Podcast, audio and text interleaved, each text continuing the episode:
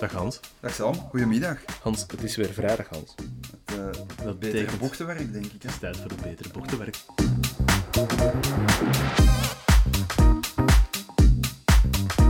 En het is een speciale, het is een speciale editie vandaag. Ja, ja, ja, we hebben er een, eh een uitsmijter We van hebben een gast. We hebben een gast, Dag, lieve Werner. vrienden van het internet. Dag Hans, dag Sam. Hallo. Hey, hallo. Dag Werner. Zeg Werner, om, om je heel... Ik, ik ga je, je mag je straks natuurlijk jezelf even voorstellen, maar wat dat toch belangrijk is voor onze luisteraars, hè, toch, jij hebt meer dan 20 jaar, of mag ik 25 jaar zeggen? Zal ik 20 jaar zeggen? Ik zal het op 20 jaar houden. Ja, misschien- er van 25 ja, van, hè. 25. Eh, Reichem zit ertussen, Taigo International zit ertussen, Comscope zit ertussen. Ja. Hè? En vandaag, vandaag gaan wij jou eens een keer helemaal op de rooster leggen. Ah, ja. Om de andere kant van het verhaal te horen, Hans. Niet Ja, inderdaad. eh, dat was een beetje de insteek om eens te praten met iemand die in een heel zware decision-positie heeft gezeten. Om een stukje uitleg te kunnen geven over ehm, hoe komen eigenlijk dat soort zware beslissingen, zware aankopen, strategische aankopen tot stand.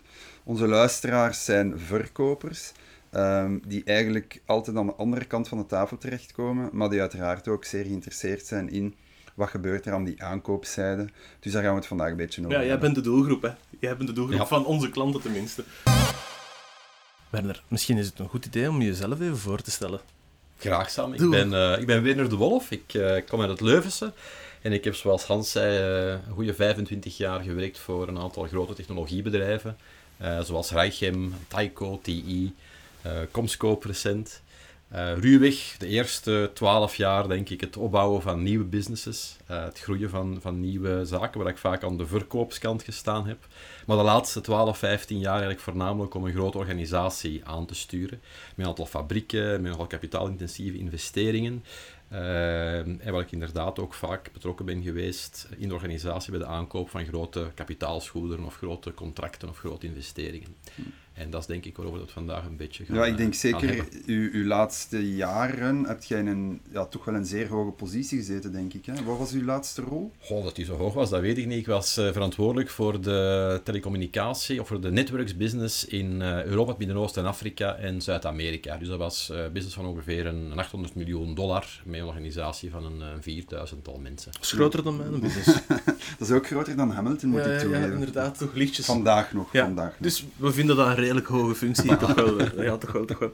Ja. Oké, ehm, Werner, we gaan direct met de deur in huis vallen. Ehm, misschien laten we omgekeerd te werk gaan en beginnen bij de beslissingsfase. Ehm, op het moment dat er een groot project gaat aangekocht worden, hè, zware investering, strategische impact, komt zoiets typisch op het directiecomité. Ehm kunt je daar iets over vertellen, hoe dat, dat dan gebeurt? Is dat een van de twintig items dat die dag aan bod komt? Of wordt daar veel tijd aan besteed? Is dat een, iemand, de projectleider, die een korte presentatie komt geven en hakken jullie dan direct de knoop door? Kunt je daar iets over zeggen? Oh, dat, hangt, dat hangt van een aantal parameters af. Ik denk de eerste parameter is uiteraard de grootte van de beslissing. Hoe, hoe groter het bedrag waarover het gaat, of het commitment. En dat gaat niet altijd over geld, dat gaat ook over de strategische relevantie. Het risico, dat speelt uiteraard. Hoe meer dat eraan gaat, gaat eh, besteed worden. Maar ook, wat belangrijk is, is, is, van, is het een relatief standaard investering, een herhalingsinvestering, of iets dat we allemaal goed kennen. Dan gaat dat redelijk snel. Als het iets is in onontgonnen terrein, met veel risico, ook strategisch belangrijk, dan gaat daar toch wel nog veel meer aandacht naartoe. En dat is denk ik belangrijk langs de verkoopskant om dat te begrijpen. Eh, is een beslissing, is dat ongoing business of is dat iets dat een bedrijf regelmatig aankoopt, waar geëikte kanalen en mensen en criteria voor zijn, of is dat inderdaad een, een stukje onontgonnen termijn? Een richtingsverandering eigenlijk. Ja. Ah, ja, oké, oké. Dat zijn veel complexere processen, ook vanuit het bedrijf met een veel hoger risicokarakter. En- En, als gevolg veel meer discussie in het directiecomité, in het managementteam, rond wat gaan we hier nu doen. Ja. En bij, bij Hamilton, in de coaching, spreken we vaak over wat we noemen de decision-making unit. hè. De mensen die mee echt beslissen over de, ja, wie dat het uiteindelijk gaat krijgen, het project.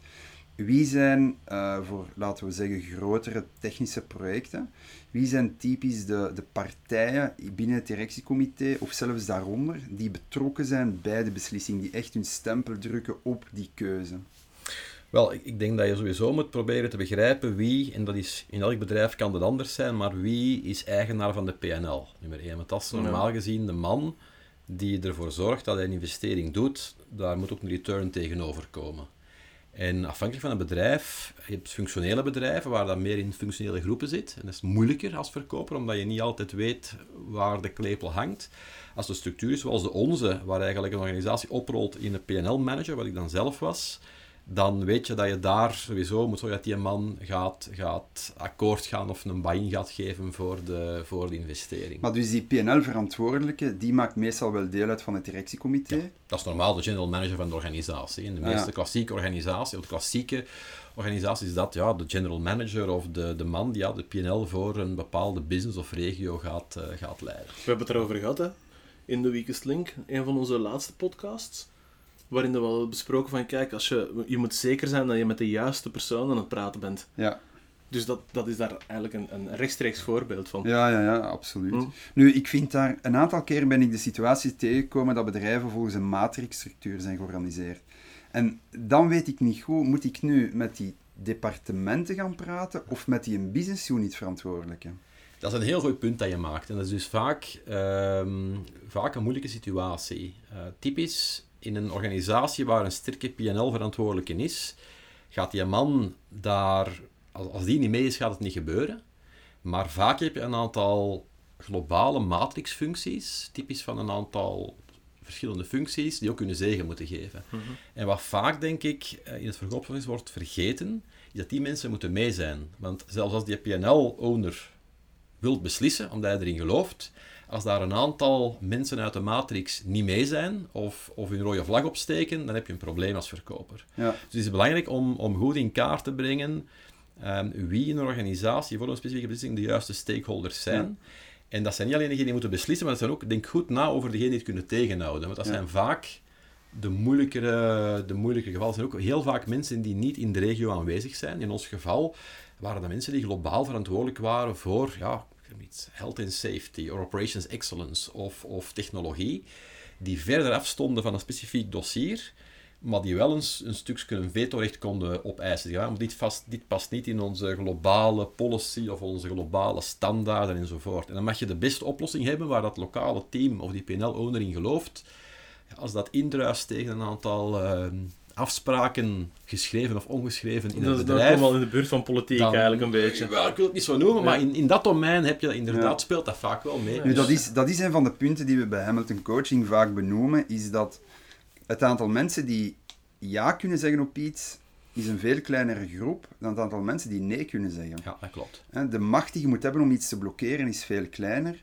Vaak zien we dat eh, de, de, de manager van een team een keuze kan maken, we gaan met die partij in zee, maar die gaat die keuze nooit maken als een van zijn teammembers zegt, ik zie het echt niet zitten. Er is een soort vetorecht dat toch wel redelijk breed verspreid zit. Ja, dat klopt. En, en eh, wat, ik zelf gezien heb en wat, wat denk ik een, eh, belangrijk is, als je naar een beslissingstraject kijkt van een grote investering, dan heb je typisch twee fases. Je hebt de closing fase, waar we het nu over hebben. Maar ik denk nog belangrijker in het verkoopsproces is die fase daarvoor. Typisch als zoiets start, dan wordt er eerst aan een projectteam gevraagd van kijk, we willen investeren in dat of in dat. Kunnen jullie eens kijken wat er aan technologie beschikbaar is, hoe die een business case werkt enzovoort. En dat is typisch een fase die lang kan duren, waar exploratief wordt gepraat met verschillende partijen. En dat is denk ik het ideale moment om uit een verkoopstandpunt te gaan kijken van, goed, één, welke waarde kunnen we toevoegen? Hoe kunnen we een stuk de consultant worden die raad geeft, oplossingen aandraagt? Maar ook dat netwerk in kaart te brengen. Te, te begrijpen van, ja maar, om dan nu te beslissen, wie zijn al die stakeholders en wie zijn ook die mensen met een, een, een, een vetorecht of een Ja. nee-recht? Want in die latere fase is daar vaak geen tijd voor, of worden die deuren gesloten. Op het moment Ja. dat je in een formeel RFQ-proces komt, zeker voor grotere, zeker voor Amerikaanse bedrijven of overheidsbedrijven, gaan die zeer strikt omgaan met van kijk, dat is de interface, typisch gaat de aankoop worden ingeschakeld en, en men is voor grote dossiers toch wel weigerachtig om dan nog heel veel informele communicatie er rond te gaan zetten. Dus komt erop aan, denk ik, in mijn ervaring. ehm, de beste dossier die ik heb gezien, ook vanuit het bedrijfsstandpunt, is waar we in die voorbereidende fase we toch wel zeer ver gegaan zijn en zeer confident waren van dat zijn hier partijen waar we mee kunnen werken, die ons vertrouwen geven, die oplossing, daar geloven we in, dat fit strategisch, dat, dat het risico is beperkt.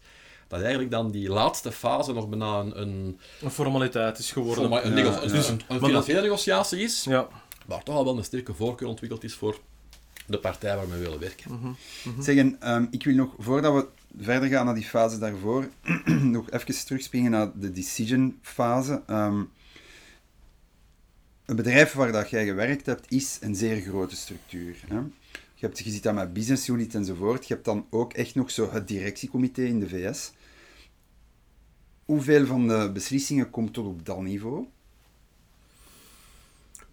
Ik, ik denk dat de meeste bedrijven, grote bedrijven, proberen actief om hun, hun beslissingsnamen te gaan delegeren naar, naar beneden, hè, omdat het anders onhaalbaar wordt. En, en in elk bedrijf bestaan er ehm, limieten, en, en je kan die ook vragen, denk ik, dat is, dat is geen groot geheim, van wie mag tekenen voor welk niveau van investering, en dat gaat per bedrijf verschillen. Maar dan krijg je een stukje in beeld of dat die beslissing kan genomen worden door mensen in Europa, wat dat naar Amerika moet, of meer en meer is dat internationaal gebeuren. Hè? Ik bedoel, in een, in een multinational is in de meeste gevallen niet een Amerikaans en Europees niveau, is dat gewoon, dat zijn globale teams die samenwerken en die dingen doen. Maar je moet wel inzicht krijgen van praat op het juiste niveau. Dus eigenlijk op een beleefde manier te weten komen van de mensen waar ik mee praat, kunnen zij finaal aftekenen of moet het een niveau daarboven of twee niveaus daarboven? En, en die niveaus daarboven, dat is, ook, heel- dat is ook belangrijk, gaan die gewoon aftekenen of gaan die effectief het dossier mee bestuderen? Ja. Want dat is ook nog het verschil dat je hebt. Je hebt organisaties waar dat er een verschil is tussen de formele beslissingskracht, de man die het tekent, en de informele beslisser, eigenlijk de man die je eigenlijk het advies geeft van dat is hetgeen dat we gaan doen. Ja, ja, en dat is dan eigenlijk wel de belangrijkste. Wel, dat is wat we in die decision making unit het verschil noemen tussen de decision taker en de signer. Die meer een formal, formelere functie heeft om zijn handtekening een, een stuk eh, aanspreekbaarheid heeft daarover, eh, maar die niet in detail mee in het dossier is gedoken. Nu, kunt je daar misschien een, een, een idee geven aan, aan de luisteraars over, over op welke niveaus mogen mensen beslissen over wat soort bedragen? In algemene termen, hè? Kunt je daar iets, iets wat richting geven in getallen? Ja, ik denk, ik, kan, ik spreek uit mijn eigen ervaring. Dus wij waren een bedrijf met een omzet, als ik naar TI kijk, van ongeveer een 15 miljard. Ehm, waar je dan het, het executive team had. Daar ging het echt over de mega-beslissingen. Dat ging eigenlijk bijna over ja, grote acquisities, mega-investeringen. Dus Dus, honderden miljoenen. ja, honderden miljoenen. Ja, was dat Europees, wereldwijd? Wereldwijd, ja, wereldwijd. Ja. Dus een organisatie van, eh, op die moment denk ik 100.000 mensen, 15 miljard omzet. Op het executive team, daar praat je echt over grote acquisities, 1, 2, 3 miljard. Of eh, ja, techno- grote technologieacquisities, dan high risk, kleiner in, in, in omvang. En echt mega investeringen. Ja. Wat je, dus, wat je dan vaak ziet, ehm, is dat je in die grote bedrijven gedocumenteerde eh, aftekenbevoegdheden hebt met bepaalde niveaus erin. En dat zit, in, dat lag in ons geval typisch voor de president van de divisie op, eh, ik denk, een miljoen of twee.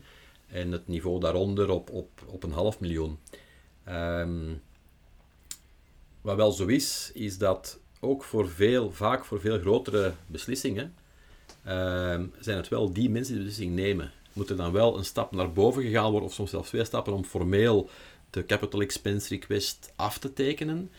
Maar is daarboven eigenlijk geen, geen eh, wordt daar niet meer mee beslist over met wie, met wie gaan we het nu doen. Wat daar ook kan vragen? gebeuren. Welke vragen worden er dan gesteld? Dat vraag ik me af. Goh, voor, heel- voor die heel grote dossiers, daarboven bedoel je. Ja. Voor heel grote dossiers daarboven gaat er wel even gekeken worden van, is die financiële analyse gedaan volgens de regels van de kunst?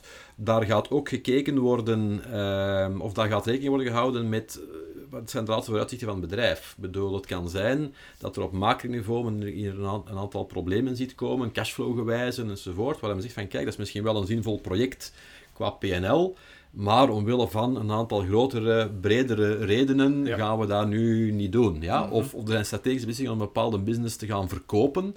Ja, dan ga je typisch niet de grootste investeringen nog toelaten. Nee, nee, ja? nee, nee. Maar misschien weten die mensen daaronder dat niet. Ja. Maar dat zijn eerder de uitzonderingen. Maar ik In- vraag me dan af, Ja.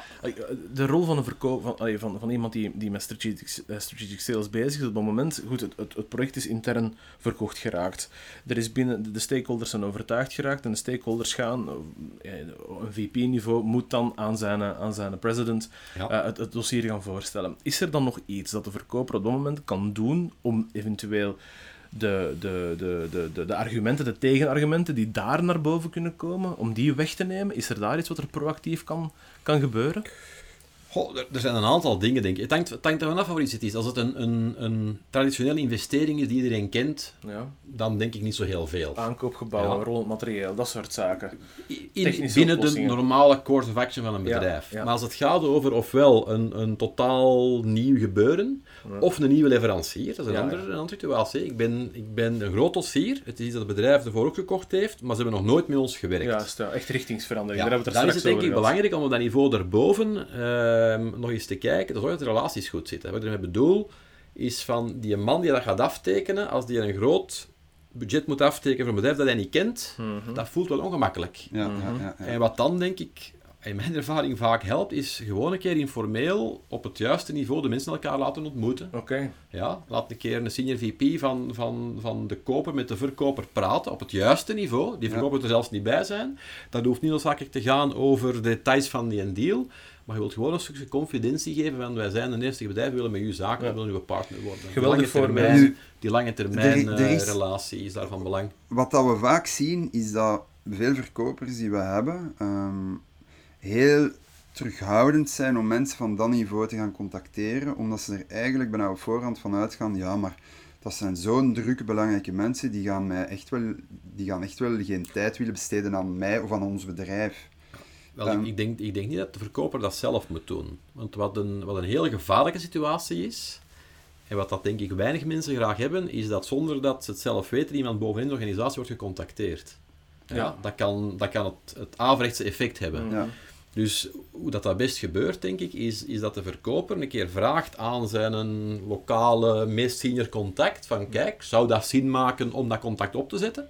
Uite- Uiteindelijk moet je dat pas doen als het lokale team Overtuigd. is. overtuigd is. hè. Ja, Anders ja, ja. dan ben je verkeerd bezig. Maar als het, als het lokale team overtuigd is en zij beseffen dat daar toch nog een stukje confidence building moet gebeuren op niveau daarboven, dan gaan zij typisch dat faciliteren. Ja, en dan ja, ga je, die verkoper moet dan niet bellen op het niveau daarboven, maar die kan aan zijn, zijn lokaal contact vragen van kunnen we een meeting opzetten tussen uw baas en, en mijn baas, of uw president en mijn president, en die kunnen een keer elkaar Ja. ontmoeten of een keer bij elkaar bellen. Daar kunnen verschillende Maar formaten wat je voor zijn. eigenlijk zegt is, het is fundamenteel om een interne coach te ontwikkelen Uiteraard. die dat soort zaken gaat Ja, ja, faciliteren. En, en wat, ik daar ook, wat ook essentieel is, is om dat proces moet heel vroeg beginnen. Als je dat proces pas start op het moment dat je in die finale negociatie komt, dan ben je hopeloos te laat. ja, ja. Dan wordt Je dat heel echt moeilijk. Het, het project mee groot Het is hebben zorgen, ja, in mijn ervaring, zowel langs de, de, de aankoper, of de, de, de kopende organisatie als de verkopende organisatie, zorgen dat je vroeg betrokken bent omdat je in die initiële fase, ja, je kan waarde creëren. Hè. Je kan, je kan, je, men is veel opener rond de pro- problemen die er zijn. Je kan oplossingen aanreiken. Je kan veel beter de sterkte van je, van je oplossing Mhm. in de verf zetten. Je kan die relaties ontwikkelen. Je kan dat in kaart brengen. Dan moet dat gebeuren. Nu, ik heb zelf in een sector gewerkt waar dat we projecten verkochten die niet productiegerelateerd waren. Mhm.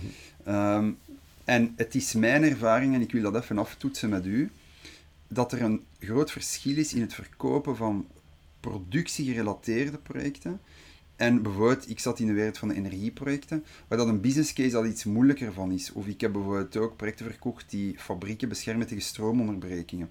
Een business case is daar moeilijker. Ziet jij ook verschillen tussen echt rechtstreekse productiegerelateerde projecten en andere? Ja, er is zeker een verschil rond de, de complexiteit van een business case. Ik bedoel, een matrijs aankopen voor een, een nieuw product te maken, dat kent iedereen en dat is bijna een routine. In een bedrijf dat dat traditioneel doet. Maar een business case rond energiesavings of, of consultancy rond bepaalde dossiers of, of nieuwe informatica-systemen, dat zijn typisch veel complexere dossiers om daar de return van te bekijken. En ook vaak met heel veel stakeholders. En daar ga je ook, en dan kom ik natuurlijk op het vorige punt, daar ga je typisch ook in het vaarwater komen van de, de functionele autoriteiten. Ja, daar is dus het vaak veel minder duidelijk wie daar de finale beslissing rond heeft. Of daar gaan veel meer mensen zich in mengen om te zeggen van ja, maar dat druist in tegen onze globale afspraken of regels of systemen die we gebruiken. Dus hoe complexer de, de business case is, hoe meer stakeholders je typisch gaat tegenkomen in het bedrijf, hoe moeilijker dat je die in kaart gaat brengen en hoe meer dat je daaraan moet werken, hoe meer dat je echt moet actief kijken van ja, maar wie, wie is daar nu bij betrokken en hoe zit dat in elkaar? En, en met wie moeten we nu juist die contacten onderhouden en opbouwen. Nu, um, nu zou ik even naar de fase daarvoor willen gaan. Um, de beslissing is nog niet genomen. Het project is in ontwikkeling. Er, is, er zijn gesprekken met een aantal aanbieders. Uh, maar iedereen is zijn verhaal nog wat aan het vormgeven. In zo'n fase, wat voor acties um, uit uw ervaring vond je zeer goed als verkopers of bedrijven die naar u toe deden? En direct ook daarbij, waren er bepaalde acties waar dat je echt iets van had, dit moeten ze geen twee keer doen? Ik zal met het laatste beginnen. het, het meest ergerlijke vind ik als, als een verkoper, op het moment dat hij iets verkocht heeft, op individueel niveau, als hij mij overtuigd heeft, dan moet hem stoppen met te verkopen. Ja, je ziet te vaak dat, dat mensen in die, in die overtuigingsmodus blijven. Op een bepaald moment, als, als de andere partij overtuigd is, dan moet je daarmee stoppen, want dat kan heel nerverend Ik heb het ooit meegemaakt dat een collega van mij, in dat geval, dat die gewoon zei van, man, stop ermee, ik, ik, ik ga gewoon met iemand anders samenwerken, want dit is niet, niet oké. Dus besef wanneer dat, dat moment er is, en, en dat is ook de moment dan om samen te gaan werken rond goed. Hè. Jij denkt nu wel dat, dat we de beste oplossing hebben, maar hoe gaan we dat nu aan die bredere organisatie verkocht krijgen? Ja. dat is denk ik het moment ook waarop je, je hebt je interne champion nu gevonden. Um, nu moet je met die man gaan samenwerken. Hè? You're part of the same team. Om, om dat in die bredere organisatie om draagvlak te gaan creëren. Dat is één. Wat in mijn oogpunt, allee, wat ik belangrijk vind aan, aan, aan een organisatie die mensen weer te verkopen, is ze moeten mij een oplossing aanbieden. En ze moeten dus één, goed luisteren naar, uh, naar de problemen die wij hebben en daar oplossingen voor gaan zoeken. En ik vind dus persoonlijk ook, de, de, de, verkopers die op mij de beste indruk laten, zijn diegenen die minder spreken en meer luisteren. Dat, dat, ging mijn volgende vraag zijn eigenlijk. Ja. Dat is voor jou een goede salesman. Ja, wel, dat is iemand die meer luistert, en minder spreekt. Ja. en, en die actief luistert. Ik bedoel daarmee, die actief op zoek gaat, die, die onze problemen probeert te snappen en die daar dan met creatieve oplossingen mee komt ziet jij ergens een dunne lijn, een, een, een grens tussen hier wordt het ongemakkelijk, nu stelt hij wel heel erg veel vragen, ja, maar dat, dat gaan we niet zomaar op tafel leggen. Is dat, is dat iets om over op te letten, of is dat wel meestal duidelijk? Goh, ik denk, ik denk dat je... Dat, dat los je op, denk ik, door, door een beetje... Door correct mee om te gaan en ook te vragen. Er is niks, niks is mis om te zeggen van, kijk, we willen u graag helpen. Maar als er bepaalde informatie is die je niet kan disclosen, geen enkel probleem. Hè. Okay. Bied ook aan om een non-disclosure agreement te tekenen. Dat is niet moeilijk, dat geeft dan een beetje extra confidentie. Uh, bouw die relatie wat op. Hè. Vraag toch dat in één keer allemaal. Je moet een stuk vertrouwen winnen. Men gaat pas die problemen echt in de diepte sharen als er een stukje vertrouwen is opgebouwd. Okay. Maar in mijn ervaring, wat, wat goed werkt, ja, is, is inderdaad luisteren en actief voorstellen, bijvoorbeeld in een workshop ja, zit een keer de experten van, van, van de leverancier en van de klant zitten een keer samen rond de tafel. Misschien worden in die laat een keer nadenken. Daar komen vaak mhm. creatieve oplossingen uit voort. Mhm. Nu, een van de dingen die wij ook vaak zeggen tegen de mensen die we coachen is: denk een beetje out of the box naar um, initiatieven die je kunt nemen naar je prospect toe. Ik bedoel daarmee, je kunt klassiek een vergadering organiseren, maar je kunt iemand een keer uitnodigen om bij een andere klant te gaan kijken. Je kunt die bij u op kantoor uitnodigen. Je kunt daar misschien iets leisure-achtig mee gaan doen. Iets mee naar de voetbal gaan en zo. Hoe staat je daar tegenover? Hebben mensen, heel drukke mensen, daar tijd voor? Willen die daar tijd voor maken? De onderscheid moet maken tussen de leisure en de non-leisure aspecten hier. Ik denk wat, dat, wat wij, wat ik zelf altijd zeer aangenaam vond, is om een keer, als wij rond een bepaald investeringsdossier contacten hadden, hoe kijken, onze, hoe kijken andere klanten en bedrijven daarnaar? Dus het, het, het aanbieden, denk ik, van een keer een meeting op te zetten met een andere klant of prospect. Mhm. En, en die onder elkaar te laten praten. Hè. Dus, uh, zonder dat je erbij zit. Zonder dat je erbij zit, ja. ja. Ja, Of in twee stukken. Ik bedoel, als ik mijn verkoopsvoetuig opzet, dan zeg ik van kijk, we gaan dat opzetten en, en, uh, en misschien daarna samen iets eten. Maar ik, het is ook belangrijk dat die klanten onder elkaar kunnen praten dat geeft echt vertrouwen. Als je als verkoper van kijk, we gaan erop zetten, we gaan dat faciliteren, brengen nu samen. En je kunt met die man one-on-one praten. Wij hoeven er niet noodzakelijk de hele tijd bij te zijn. Dat is, dat is een, een waardevol iets voor veel... dat vond ik zeer waardevol. Omdat je dan ook kan praten in alle openheid. Uh, toch als er geen concurrent is, rond problemen die we zien en, en, hmm. en, en ook het bedrijf. En als je dan hey, dat wat slim speelt, denk ik, als verkoper, kan je dat koppelen aan een stukje een sociaal event of een diner daarna Ja. enzovoort. Het pure socializing stuk is denk ik heel persoonlijk. Ik Ja. denk, één, de publieke sector heel gevoelig. Ja. Ehm, ook meer en meer Amerikaanse bedrijven gevoelig. Hè? Dus, dus het, is één, het, is niet alleen, het is een kwestie van tijd, één. Ehm, Perceptie ook, hè. perceptie, ja. het is een... ehm, ik kan daar moeilijk een, een algemeen antwoord op, op Maar ziet jij ergens een, een, een lijn? Nu, die lijn is in de loop der jaren ook wat verschoven. In de jaren 90 kon er veel meer dan vandaag, denk ik. Maar is er bijvoorbeeld, wat dat wij regelmatig nog doen, is een keer een directeur ergens uitnodigen om eens s'avonds ergens te gaan eten en het project eens rustig door te praten ehm, in een andere context. Hè? Ja. Ziet je ergens bijvoorbeeld restaurantbezoek middags ja, s'avonds ja. Wat kan wel nog en wat gaat al een beetje te ver vandaag? Ik denk een, een, eh, een lunch of een diner om een keer in een wat meer relaxte context iets te bespreken, dat is denk ik perfect in orde. Overdrijf daar niet met een, eh, met een drie sterren Michelin restaurant, want dat kan, dat kan de verkeerde impact hebben. Mhm. Zorg ook niet dat je in zo'n restaurant over de top gaat met daar de duurste wijn te bestellen, want dat, dat, dat gaat er indruk wekken. Dan denk ik van, oh, dat bedrijf zit op veel te hoge marges, ja, en dat is Ja, niet hetgeen ja, dat je ja, wil. ja, ja. Dus daar is denk ik op zich geen enkel probleem mee. Als je natuurlijk in de richting gaat van, ja, wilt je met ons een Formule 1 eh, dingen gaan doen in Dubai, ja, dat is een ander verhaal. Hè? Ja. Dus daar ga je in de meeste bedrijven in de problemen mee komen. En waar is de middenweg? Ja, een beetje te zoeken. Nu, wat ideaal is, heb ik persoonlijk, en ik zet dan even mijn verkoopshoed op, als je het kan combineren is het geweldig. Hè? Beeld je in dat je zegt van oké, ik, ik ga met u een klantenbezoek opzetten, ik ga u een, een, een, een PR-klant laten ontmoeten in Engeland of in Amerika nog beter. En je hebt de luxe om met die man dan mee te reizen. En je kunt, en je kunt samen wat tijd spenderen. En misschien een keer een namiddag of een avond ervoor, omdat je er toch zijt, een aantal dingen samen doen. Ja, dan ga je elkaar uiteraard veel beter leren kennen. En ga je ook een stuk meer inzicht verwerven in hoe dat die organisatie in elkaar En zit. het is ook wel echt uw ervaring dat mensen, nu voor een project van 10.000 euro gaan ze dat niet doen, maar voor projecten die groot genoeg zijn, dat mensen daar echt wel op ingaan om een keer mee te gaan, bijvoorbeeld naar Zwitserland, naar een voorbeeldinstallatie. Ah, ja. Inderdaad, een stukje koppelen aan misschien iets, iets plezant Ja. om te doen. Ja. Va- vaak zijn, wat ik gemerkt heb, is dat vaak komen daar een aantal contacten uit die wij ook zelf niet hadden. Mhm. Ehm, en ja, als, als die leverancier dat kan opzetten, ja, en dat, is- dat, maakt, dat is toegevoegde waarde voor ons, ja, waarom niet? Oké. Ja. Misschien, ik denk dat we ongeveer gaan afronden, Sam, maar Ja. misschien nog een laatste vraag. Ik heb ook nog wel één. Ah, je hebt er ook nog een. Een Mhm. voorlaatste vraag dan? Misschien nog twee. Eh, eigenlijk kunnen we nog wel twee uur doorgaan. denk Ja, ik. maar de an- antwoorden zijn op.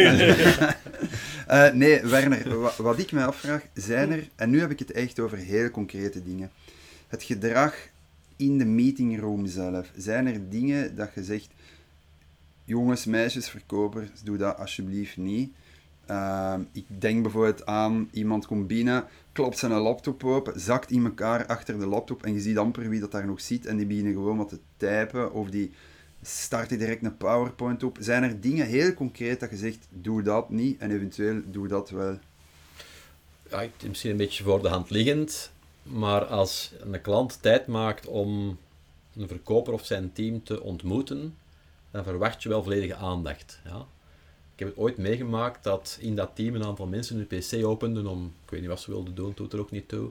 Dat doe je dus niet. Nee, nee, ja? nee, Zelfs nee. al heb je daar een half uur niks te zeggen, je blijft geconcentreerd en geïnteresseerd de discussie volgen. Ja, want die ja. klant maakt tijd voor u. Ja. En hij doet dat alleen omdat hij daar hoopt een aantal dingen uit te leren. Ja. En hij verwacht ook je volle, je volle aandacht. Ja, ja. Ja. Twee, denk ik, ja, soms zie je wel dat mensen gepreprogrammeerd binnenkomen en beginnen hun parley te doen en die stoppen. Ja. Die klant die wil zijn verhaal doen en die wil zijn probleem uitleggen om daar antwoorden op te krijgen. Dus dat is het puntje van daar straks, denk ik, van het is belangrijker, denk ik, om goed te luisteren dan om goed te spreken. Ja. Vind ik persoonlijk. Oké. Ehm, en voor de rest, ja, zorg dat je wat verzorgd bent, hè, maar dat is denk ik voor de hand liggend. En- wees naturel. Ik bedoel, er is ook niks zo vervelend als iemand die ja, zich gemaakt voordoet of, of, of pretendeert dat hij, dat hij anders is dan dat hij is. Mhm. Lieg ook nooit. Ik bedoel, wat je nooit mag doen, is, is ja, zorg dat je nooit betrapt wordt op, op iets dat niet klopt. Ja? Als je zegt van, ik, ik ken de dienen. En, en toevallig ken ik die ook. En, en ik vraag morgen, ah, ik heb de die gezien, ja, ik ken die niet. Ja, dat, is dus Ja, niet vast voor je alles zelfvertrouwen. kapot, hè. Ik bedoel, zorg dat je, dat, zorg dat je ja, eh, voor de rest is het ook niet moeilijk. Zorg dat je gewoon correct bent, dat je, dat je eerlijk bent, dat je transparant bent. En dat je echt probeert om, om die klant te helpen. Dat moet denk ik de basisattitude zijn. Nu, ik, ik, Sam, ik ga er toch nog eentje doen. Ehm, een aantal van de mensen die bij ons in coaching zitten, voelen een bepaalde gêne voor het feit dat ze verkoper zijn. Dus je ziet dat ook soms op in hun titels. Ze gaan dat dan camoufleren als business development manager. Allee, noem het zoals je wilt. Eigenlijk zijn ze gewoon verkoper. Een eervol beroep, denk ik. Maar kun je er iets over zeggen? Hoe wordt er eigenlijk in algemene termen vanuit een bedrijf naar verkopers gekeken? Want dat is toch een, een symbiose. Een bedrijf kan niet functioneren zonder dat verkopers bij hen over de vloer komen. Ik, ik ga het voorbeeld geven van een van onze grootste klanten in mijn laatste job, Verizon, dus de Proximus van, van de US. En zij roepen elk jaar een award uit voor de, de Salesman of the Year. Ja. En ze doen dat en ze kiezen bewust voor de persoon die hun het meeste toegevoegde waarde heeft opgeleverd. Ik wil maar zeggen, dat is een mooi voorbeeld van in hoe Ja. een, groot, een grote organisatie de verkoper, of dat ook worden genoemd, worden aanzien als iemand waarvan verwacht wordt die problemen gaat helpen oplossen van dat bedrijf. Ja? Ehm, dus persoonlijk vind ik dat een zeer eerbaar beroep. Ik vind het ook een zeer boeiend en interessant beroep. Eh, ik heb aan de twee kanten gezeten en ik, ik doe de twee kanten graag. Maar het, het boeiende aan, aan een goede verkoper is dat hij eigenlijk ja, problemen van die klant helpt oplossen en zijn organisatie mobiliseert. Het is ook de rol van de verkoper om eigenlijk de, de rol van de klant te faciliteren in zijn bedrijf. Toch zeker voor grotere dossiers Ja. is dat een belangrijk deel van die rol. Zorgen dat jij de spreekbuis bent van de klant in, in je eigen bedrijf. En hem gaat verdedigen door dik en door dun. Oké, duidelijk. Gaat er nog eentje, Sam? Ja, de mooie om mee af te sluiten. Zo het, het, het eeuwige adagio. We hebben er in de laatste podcast al, ook al vaak over gepraat. Hoe sta jij tegenover cold callen, Werner? ja, goede vraag, Sam, goede vraag. Ik heb er een geweldige hekel aan. Is het waar? Om het Ja. zelf te doen of om het, om, nee, om om, ze het, te om, krijgen? het, om ze te krijgen. Wel. Om ze te krijgen in zekere zin. In, in, als men het doet, bij mij, dan wens ik dat mensen zeer snel to the point komen. Niet te veel tirelantijntjes er rond, rond doen. En ook als ik zeg dat ik er geen interesse in heb, niet blijven aandringen. Ja. Ja. Ja. Ehm, ik krijg er veel te veel die, die, omdat ik waarschijnlijk in een aantal databanken zit, die dan onvoldoende to the point zijn en, enzovoort. Ehm, ik, persoonlijk verkies ik eigenlijk dat iemand probeert een entry te zoeken via een referentie, via een contact, vind ik een veel efficiëntere manier. Ja, dus probeer een cold call, een succesvolle cold call, in mijn ervaring is de probabiliteit nogal beperkt. Ehm, het is veel efficiënter om je te laten introduceren bij mensen via iemand die je kent. Ja. Soms via een klein e-mailtje, hè, bedoel, tegenwoordig via LinkedIn. Niks verletje om. Probeer dan wel uit de massa te komen, want veel mensen op die niveau zitten in een aantal databases en, en die dingen gaan de spamfilter in, maar probeer er origineel uit te komen. Eh, probeer dat contact te maken. Een, een cold call telefoon, ja, moeilijk. Mhm, ik zeg het, ik heb er een aantal goede gehad, maar dan moeten ze echt kort en bondig zijn. En, en zeggen van, kijk, ik wil je niet langer storen. Dat is onze value propositie in, in tien woorden. Kunnen we er eens over praten. Ja. Ik denk dat dat ook is wat dat we bij, bij Hamilton Coaching aanleren, is dat we ehm, op het niveau waar dat jij gezeten hebt, out of the blue gaan bellen, weinig zinvol is. Ehm, wat wel, je kunt dat wel doen op lagere niveaus, om de, kaart, de zaak in kaart te gaan brengen, totdat je iets hebt, iets zinvol te vertellen hebt. Een hot call eigenlijk. Hè. Dat is een ja, beetje de term dat we cold gebruiken. call is dan niet meer de juiste term. Mhm. En dan kan het wel, denk ik. Dat gaat makkelijker zijn. Ja. Ja. dat gaat makkelijker zijn. Maar ik zou het omdraaien. Er zijn tegenwoordig zoveel opportuniteiten om te netwerken met die mensen. Ja, gebruik die, hè. Ja. Het is zoveel efficiënter in mijn ervaring om een keer in een receptie iemand aan te spreken of, of ja, Mhm. zoek, die, zoek die momenten. Ja. Lage organisatie, ja, daar, dat gaat iets makkelijker nog zijn. Ja. Dat die mensen ook iets eh, allee, met een specifieker topic bezig zijn, als je dan weet bij wie dat je moet zijn. Ja, Dus cold call ja, maar er moet value aan hangen. ja en het moet kort en bondig Kort en- zijn. kort en en mijn voorkeur blijft gaan naar zorg dat je ergens introductie kan Ja, krijgen. ja, ja, ja. Oké, geweldig. Oké. Werner, hartelijk bedankt. Voor, jou, voor jouw Ja, zeer uitgebreide, uitgebreide Ik ga op mijn knieën. Ik ga op mijn dat is echt knieën. geweldig, dankjewel. Dat was eh, deel eh 12 ondertussen, of vergis ik me nu? Of 13. We zijn dan al 13. Ja, het gaat, het gaat snel. Het gaat veel te snel. Eh, dat was het dan. Bedankt Werner voor je aanwezigheid. Graag gedaan. ja, ja. Eh, dag vrienden van het internet. Dag iedereen. Tot volgende week. Bye.